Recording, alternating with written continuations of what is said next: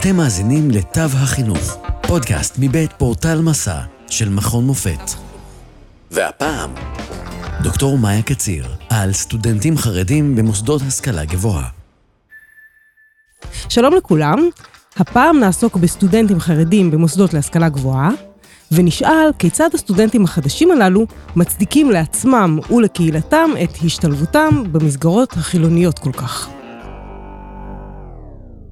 בעשור האחרון חלה עלייה במידת המעורבות החינוכית של קהילות דתיות מסוגרות בחברה המודרנית ברחבי העולם.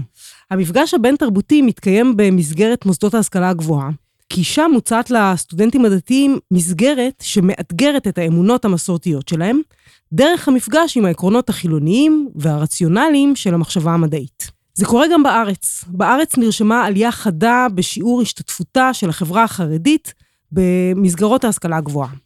מאמר שהופיע בפורטל מסע מבית מכון מופת, מבקש לעמוד על היחסים המעניינים אך הסבוכים בין הרצון של מדינות מודרניות לשלב אזרחים מסקטורים שונים במערכות הלאומיות מצד אחד, לבין השאיפה או הרצון של הקבוצות הדתיות לשמור על גבולות קהילתיים ברורים. אחת השאלות המרתקות שעולות מן המאמר היא איך בעצם, לאור החשדנות המסורתית כלפי מודרניות בכלל וכלפי האקדמיה בפרט, איך הסטודנטים החרדים מצדיקים את ההשתלבות שלהם במוסדות ההשכלה הגבוהה. אבל לפני שנעבור לממצאי המחקר ממש, יש הערה אחת ממש מעניינת על המתודולוגיה שלו.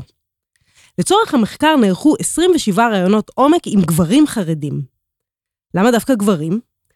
ההחלטה להתמקד בנבדקים גברים נובעת מהבחנה מעניינת מאוד שיש בינן לבין הנשים החרדיות.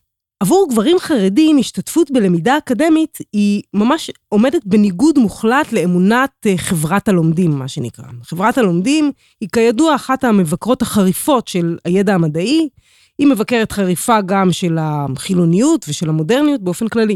אצל נשים, לעומת זאת, ההתנגדות אמנם קיימת, אבל היא מעט מרוככת יותר, כי מראש לא מצפים מנשים אה, להתמסר ללימודי דת, אלא הן אמורות לפרנס. כתוצאה מזה, במהלך שני העשורים האחרונים לפחות, נשים חרדיות הצליחו להשתלב בכל מיני מקצועות, כמו בהייטק למשל, מקצועות אחרים, מקצועות שהם אה, דורשים לא רק מיומנות, אלא גם השכלה מודרנית מתקדמת. יותר מזה, בעוד גברים זוכים רק לחינוך מדעי בסיסי ביותר, דווקא נשים במסגרת הסמינרים זוכות להעשרה של לימודי ליבה מדעיים. אבל נחזור למחקר ולשאלה המרתקת כיצד מצדיקים סטודנטים חרדים את השתתפותם באקדמיה.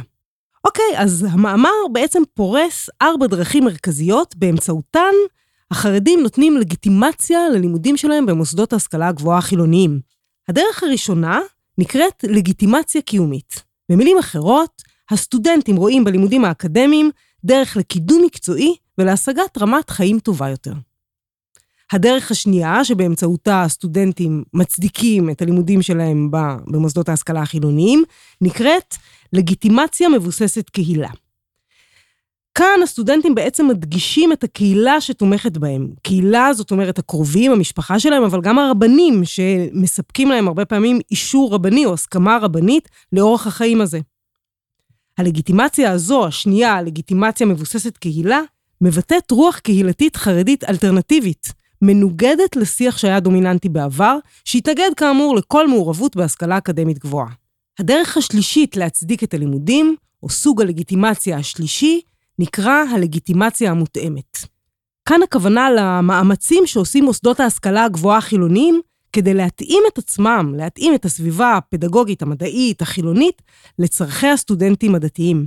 למשל, אכיפה של הפרדה מגדרית או שינויים מסוימים בתוכניות הלימודים. מעניין שהסטודנטים החרדים מעריכים את מאמצי ההתאמה האלה, מצד אחד, מצד שני הם עדיין לפעמים אה, מביעים מורת רוח, כשמושמעת הטענה שצריך להשוות את הלימודים שלהם, את התוכניות שלהם, לדרישות ההשכלה הגבוהה הרגילות של לימודים קונבנציונליים.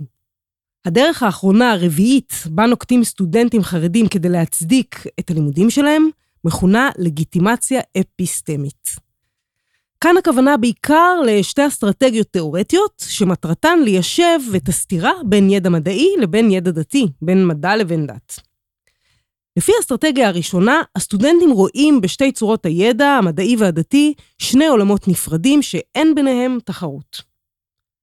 לפי האסטרטגיה השנייה, הסטודנטים טוענים שהידע המדעי שהם לומדים יכול להיטמע ולמעשה נטמע בתוך תפיסת עולם דתית רחבה יותר.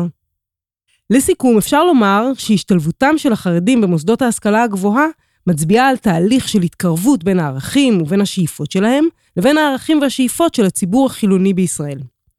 מסתבר שהחרדים מייחסים ללימודים האקדמיים חשיבות רבה, הם מעוניינים להשתלב באקדמיה.